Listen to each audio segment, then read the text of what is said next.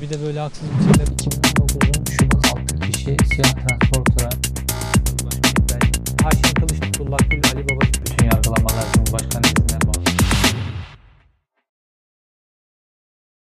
Türk Hava Kuvvetleri'nin dünyadaki modern ordularla entegre hale gelmesi F-16 projesiyle oldu. 80'li yıllarda başlayan bir projeydi ve Turgut Özal bunu çok güçlü biçimde destekledi. F-16'ların Özal tarafından Türkiye'ye getirilmesiyle Türkiye neler kazandı? F-35'lerin Türkiye'ye getirilmemesiyle Tayyip Erdoğan tarafından Türkiye neler kaybedecek? Bu aslında bir devrin de karşılaştırması. Hatırlarsanız yakın dönemde e, Türk Silahlı Kuvvetleri'nin, Türk Hava Kuvvetleri tarafından bir Rus uçağı düşürülmüştü. Orada Rus pilotla Türk pilotun arasındaki o konuşmalara, diyaloglara bakarsanız Türk pilot ne kadar üst perdeden konuşuyordu. Çünkü altındaki makineye güveniyor orada. Ve nihayetinde de F-16'nın gönderdiği mühimmata Rus uçağı cevap verememişti ve Rus pilot uçaktan atlamak zorunda kalmıştı. Bu aynı zamanda sadece F-16'nın o uçaktan üstün olması anlamına gelmiyor. Aynı zamanda da F-16'nın kullandığı mühimmatın da uçaktan, Rus uçağından üstün olması anlamına geliyor. Ki F-35 projesine de Türkiye katılırsa F-35'in ürettiği mühimmatlar yıllar içerisinde gelişecek ve Türkiye'de otomatik bir partner olarak bu e, mühimmatlara sahip olacak. S-400 krizi nedeniyle e, Türkiye F-35 projesinden bypass yapılınca gündeme doğal olarak Rus uçakları geldi. Su-57 uçakları ve medyada bir anda Su-57 uçaklarının F-35'lerden ne kadar üstün olduğuna ilişkin haberler patladı. Yani Türkiye F-35 projesinin parçasıyken dünyanın en iyi uçağı F-35'ti. Sonra bir anda Su-57 dünyanın en iyi uçağı oluverdi. Bu akımı da Fatih Altaylı başlattı. Fatih Altaylı e, Türkiye'nin Su-57 alması gerektiğini çünkü bunun bir avcı uçağı olduğunu ve özellikleri itibariyle de e, F-35'lerden daha iyi olduğunu bir karşılaştırmalı bir tabloyla verdi. Daha sonra da e, yandaş medyada işte diğer medyada tamamen bu tablo kullanılarak işte videolar çekildi, haberler yapıldı, bültenler yapıldı vesaire. Ve tamamen aynı kelime avcı uçağı özelliği. Fatih Altaylı'ya hemen peşinden İlker Başbuğ katıldı ve F-35'in hantal bir uçak olduğunu, hantal göründüğünü söyledi. Ardından da işte TSK'dan emekli olup da böyle akın akın gidip e, Doğu Perinçek'in partisine katılan generaller var. Bu generaller meydana çıktılar ve işte Rus uçağının ne kadar üstün özellikli bir uçak olduğunu anlatmaya başladılar. Hepsinde temel kullandığı kelime avcı özelliklerinin F-35'ten daha iyi olduğuydu. Şimdi avcılık meselesinde e, F-16'lar e, NATO tarafından geliştirilmiş en iyi avcı uçağıydı ve 20 yıl göklerdeki en iyi avcı uçağı olma özelliğini korudu. İşte savaşan şahinler kavramı da buradan geliyor. E, fakat NATO dünyanın lokomotifi olarak şimdi başka bir noktaya gitti. Ve Ruslar işte bu 20 yıl boyunca F-16'nın üstünlüğünü kırabilmek için Rus paktı daha iyi avcı özellikleri e, bulunan bir uçak geliştirmeye odaklandılar. Fakat dediğim gibi bu bir NATO'yu takip. Yani hep geriden takip ediyorlar. Ve hakikaten de Su-57 işte F-16'dan daha iyi avcı özelliklerine sahip bir uçak.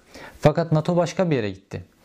E, NATO ülkeleri işte lokomotifi de Amerika artık bu avcı özelliklerini yani e, risk gerektiren görevleri F-16'larla yapmıyor. Ee, bunun yerine bunları işte insansız hava araçları, predatörler dediğimiz e, araçlar hatta bunu o kadar insansızlaştırdılar ki yapay zeka ile kendi kendisine e, karar verip hedefi vuracak noktaya getirdiler. Bunlarla yapıyorlar. Bu işte hem daha ucuz hem e, insan kaybetme riski yok. Çünkü bir pilotun maliyeti çok yüksek ülkelere. Bu maliyeti yok. Dolayısıyla NATO başka bir yere gitti. NATO'nun gittiği yer neresi? NATO görevlerinde e, üsler inşa etmek, bu üslerin varlığını devam ettirmek çok pahalı bir şey. E, mesela incirlik üstünü işletmek NATO için çok pahalı bir şey. Ya da işte akut gelişen krizlerde oralara e, uçak gemileri göndermek, sonra bu uçak gemileriyle gönderilen uçaklar için oralarda uygun pistler inşa etmek, bu pistleri korumak vesaire bunlar çok pahalı e, işler.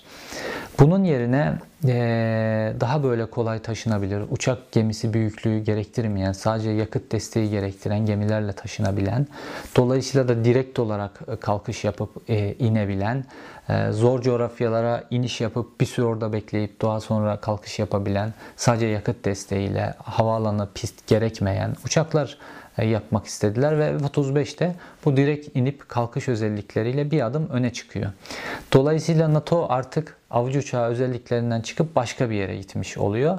Biz ise zaten yıllardır eğer e, Su-57'leri alacak olursak e, Türkiye olarak zaten yıllardır elimizde var olan avcı uçaklarına F-16 yüzlerce F-16 avcı uçağına yeni bir avcı uçağı nesli e, getirmiş olacağız. Fakat bu F-35'in getirdiği yeni konsepti kaçırmış olacağız. Bu çok önemli bir fark. Fakat avcı uçağı özellikleri fazla diye sürekli olarak medyada bu konu gündeme getiriliyor. Medyadaki ve kamuoyundaki böyle Rus silahlarına karşı güzellemeler de böyle yeni bir moda. Ee, hani bunlara deseniz ki e, Amerikan arabalarını, Alman arabalarını bırakın da gidip Lada'ya binin. Hiçbirisi gidip Lada'yı tercih etmez. Ama böyle işte S-400'lerin maketini yapıp e, caddelerde gezdirme, böyle artık kahve muhabbetlerine kadar Rus silahlarının ne kadar üstün olduğu anlatılmaya başlandı. Daha düne kadar bu F-35 krizi yokken işte Amerikan silahları, Amerikan uçakları, F-16'lar, F-35 mükemmeldi. Bu proje Türkiye'yi ne kadar geliştirecekti. Bir anda döndü Rus uçağı e, güzellemesine. Ama gel de Lada'ya bin desek bunların hiçbirisi Lada'yı tercih etmeyecek. Peki Türkiye Rusya'dan hiç mi silah ya da askeri teçhizat almadı? Tabii ki de aldı geçmişte. Bunun örnekleri var. Fakat bunların hiçbirisi stratejik e, alım değildi. Bunların hepsi taktiksel alımlardı. Mesela e, tekerlekli zırhlı araç BRT, e, MI-17 dediğimiz helikopterler, Kalashnikov piyade tüfeği, Bixi dediğimiz e, silahlar, işte Dragunov e, keskin nişancı tüfeği kamuoyunda daha çok Kanas olarak biliniyor. RPG-7 roket atar ve benzeri silahlar alındı. Fakat bu silahların e, hepsinin tedarik edilmesinde e, bugün S-400 ile yaşanan gelişmelerin hiçbirisi ile e, karşılaştırmak mümkün değil. Çünkü bunlar hep taktik seviyede silahlar, stratejik silahlar değil. S-400 ve S-35 stratejik silahlar. Stratejik silah demek e, Türk Silahlı Kuvvetleri'nin dönüşümü demek. Yani bir stratejik silah aldığınızda bu silahı kullanacak personelin alımından başlayın, bununla ilgili bölüklerin oluşturulmasına, bu silahların yönetimi, modernizasyonu, bu silahların işletilmesi. Çünkü sadece satın aldığınızda para ödemiyorsunuz. Bunların hepsine, bu personelin eğitilmesine, saydığım şeylerin hepsine para ödüyorsunuz. Hatta yıllar sonra bu silahı envanterden çıkarırken bile bir maliyetiniz oluyor. Bunların hepsiyle birlikte stratejik bir dönüşüm yaşıyor silahlı kuvvetler. E, Türkiye NATO'nun parçasıyken e, te, ordusunun bir parçasında da böyle bir stratejik dönüşüm yapmasının ekstra ekstra maliyetleri olacak. Tıpkı bu S-400'ün ekstra maliyeti olduğu gibi bu savaş uçağı konseptine girdiğinde bu çok çok daha büyük bir maliyet ortaya çıkartıyor. Şimdi gelelim asıl meseleye. Tayyip Erdoğan bu S-400 e, krizini sunni olarak neden çıkardı birkaç yıl önce? Ve şu an AKP'nin üst yönetimi Türkiye'nin F-35 projesinden çıkarılıyor oluşuna neden içten içe seviniyor? Şimdi Türkiye uzun yıllar e, inşaat sektörüyle gitti ve bu AKP'nin üst yönetimi, e, il yönetimleri vesaire bunların hepsini e, inşaat sektörü doyurdu. Fakat e, AKP bir aynı zamanda çıkar ortaklığı ve bu inşaat sektörü Türkiye'de durduğu için artık e, AKP'nin o motor gücünü, paraya dayanan, çıkara dayanan motor gücünü çevirmek çok mümkün değil. Medyası da bundan besleniyor, il teşkilatları da bundan besleniyor, işte AKP'li işbirliği yapanlar da e, bundan besleniyor. Fakat inşaat sektörü durdu. Şimdi e, Türkiye'nin elinde hortumlanabilecek özelleştirmeler de yapıldı tabii yıllar boyunca. Burada da bir şey kalmadı. Zaten artık özelleştirici bir şey özelleştirsen orada bir ta, talip de yok. Talip de kalmadı. Çünkü bir şey para etmiyor. Ee, ama elde bir fon var. İki fon var daha doğrusu. Bunlardan bir tanesi savunma sanayini destekleme fonu. Ee, işte 80'li yıllarda kurulan e, çok önemli bir fon ve Türk Silahlı Kuvvetleri'nin bugünkü modernizasyonu bu fona borçludur TSK. Büyük bir fon. İkincisi de OYAK gibi işte TSK'nın e, güdümündeki bazı başka varlıklar. Şimdi hortumlama alanı burası. Şimdi hortumlama çarkı nasıl kuruldu? Biraz ondan bahsedeyim. Ee, çok masum bir yasa çıkartıldı yıllar önce. Bu yasada denildi ki e, Türk Silahlı Kuvvetleri'nin e, yapacağı alımlara biz bir şart getirelim. Bu şartta ne olsun? İşte bazı kalemlerde %20, bazı kalemlerde %40, bazı kalemlerde %50, bazı kalemlerde %100 e, yerli üretim şartı getirelim. TSK'nın alacağı malzemelere. Dolayısıyla da e, firmalar bu alanda gelişsinler e, yapılan ithalatın bir parçası olsunlar, teknoloji transferi buraya yapsınlar. Dolayısıyla yerli üretim kalkınsın. Böyle bir masum e, gerekçeyle getirildi. Bunu muhalefeti de destekledi, işte medyası da destekledi, kamuoyu da destekledi ve böyle bir yasayı çıkardılar. Fakat e, sonra ne oldu? İşte İslamcıların bir şeyi A gösterip B e, yapması çok böyle meşhurdur böyle yani. E, sonra e, mantar gibi şirketler kurulmaya başladı. Savunma sanayi alanında şirketler kurulmaya başlandı Türkiye'de. Bunlar diyelim TSK bir roket atar alıyor. Bunlar roket atarın belli parçaları var. Bu roket atarı normalde TSK ithal ediyor. Diyelim ki e, İngiltere'den. Bunlar, e, bu yerli firmalar bu roket atarın parçalarını, belli parçalarını ithal edip buraya getirdiler. E, belli parçalarını da doğrudan TSK ithal etti. Bunlar e, bu parçaları burada birleştirdiler ve TSK'ya sattılar. Yani TSK aslında doğrudan üreticiden al, alacakken, daha ucuza alacakken bu aracılardan aldığı malzemelerle malı daha pahalıya aldı. Bu firmaların hepsi de aslında ithalatçı fakat mal gelip onların envanterine gittiği için TSK o yerli firmalardan satın alma yapıyormuş gibi gözüktüğü için için içerisinde hiçbir üretim bandı yok. Yerli üretim yok, bir şey yok. Tamamen %50'sini, %30'unu, %40'ını şart neyse yerli bir firmadan alıyor oldu TSK. Araya bir yerli aracı sokuldu. İşte bu firmaların tamamı e, AKP'liler tarafından kuruldu ve işte Milli Savunma Bakanı vesaire de zaten iktidarın emrinde bir kişi olduğu için de Milli Savunma Bakanlığı marifetiyle bu firmalardan doğrudan o firmalardan alım yapıldı. Bunlar arasında böyle AKP'lilerin genelde çocuklarına kurdurdukları firmalardı bunlar. İşte mesela Fehmi Korun'un oğlu da böyle bir firması var. E, TSK'ya tedarik yapan. E, zannedersem Havelsan'la ilgili. Yani sırf e, geçmişte müteahhitler üzerinden kurulan çarkın, Türkiye'yi kontrol etme çarkının, medyayı vesaire her alanı kontrol etme çarkının devam etmesi için bu sefer e, gözler Türk Silahlı Kuvvetleri'nin kaynaklarına dikilmiş durumda ve bir ülkenin güvenliği geleceği e, sırf bir ailenin varlığını devam ettirmesi için riske atılmış oluyor. Bu son derece tehlikeli bir durum. Hulusi Akar geçenlerde bir açıklama yaptı Milli Savunma Bakanı. E, diyor ki savunma sanayinde yerlilik oranı %70'e ulaştı. İşte bu anlattığım çarktan şunu anlayın siz. Artık Türk Silahlı Kuvvetleri'ne e, satış yapan AKP'li firmaların oranı %70'e ulaştı. Bundan bunu anlayın. Yani TSK doğrudan artık yurt dışından alım yapacağına bu %70 aracıları kullanarak bir de aracılık komisyonu vererek alım yapıyor. Bunu anlayın siz. İşte bu tip e, üretim yapanlardan bir tanesi de Bayraktar Holding. İşte Türk Silahlı Kuvvetleri'ne habire insansız hava aracı satıyor. Fakat bu insansız hava araçları artık dünyanın e, terk ettiği bir insansız hava aracı teknolojisi. İşte Amerika biliyorsunuz predatörlerle artık yapay zeka ya da çok uzak mesafelerden kıtalar arası kontrol edilen başka şeyler kullanılıyor. Güzel tamamen yerli üretim olsa bu bunlar bu da güzel diyelim. Fakat şöyle oluyor.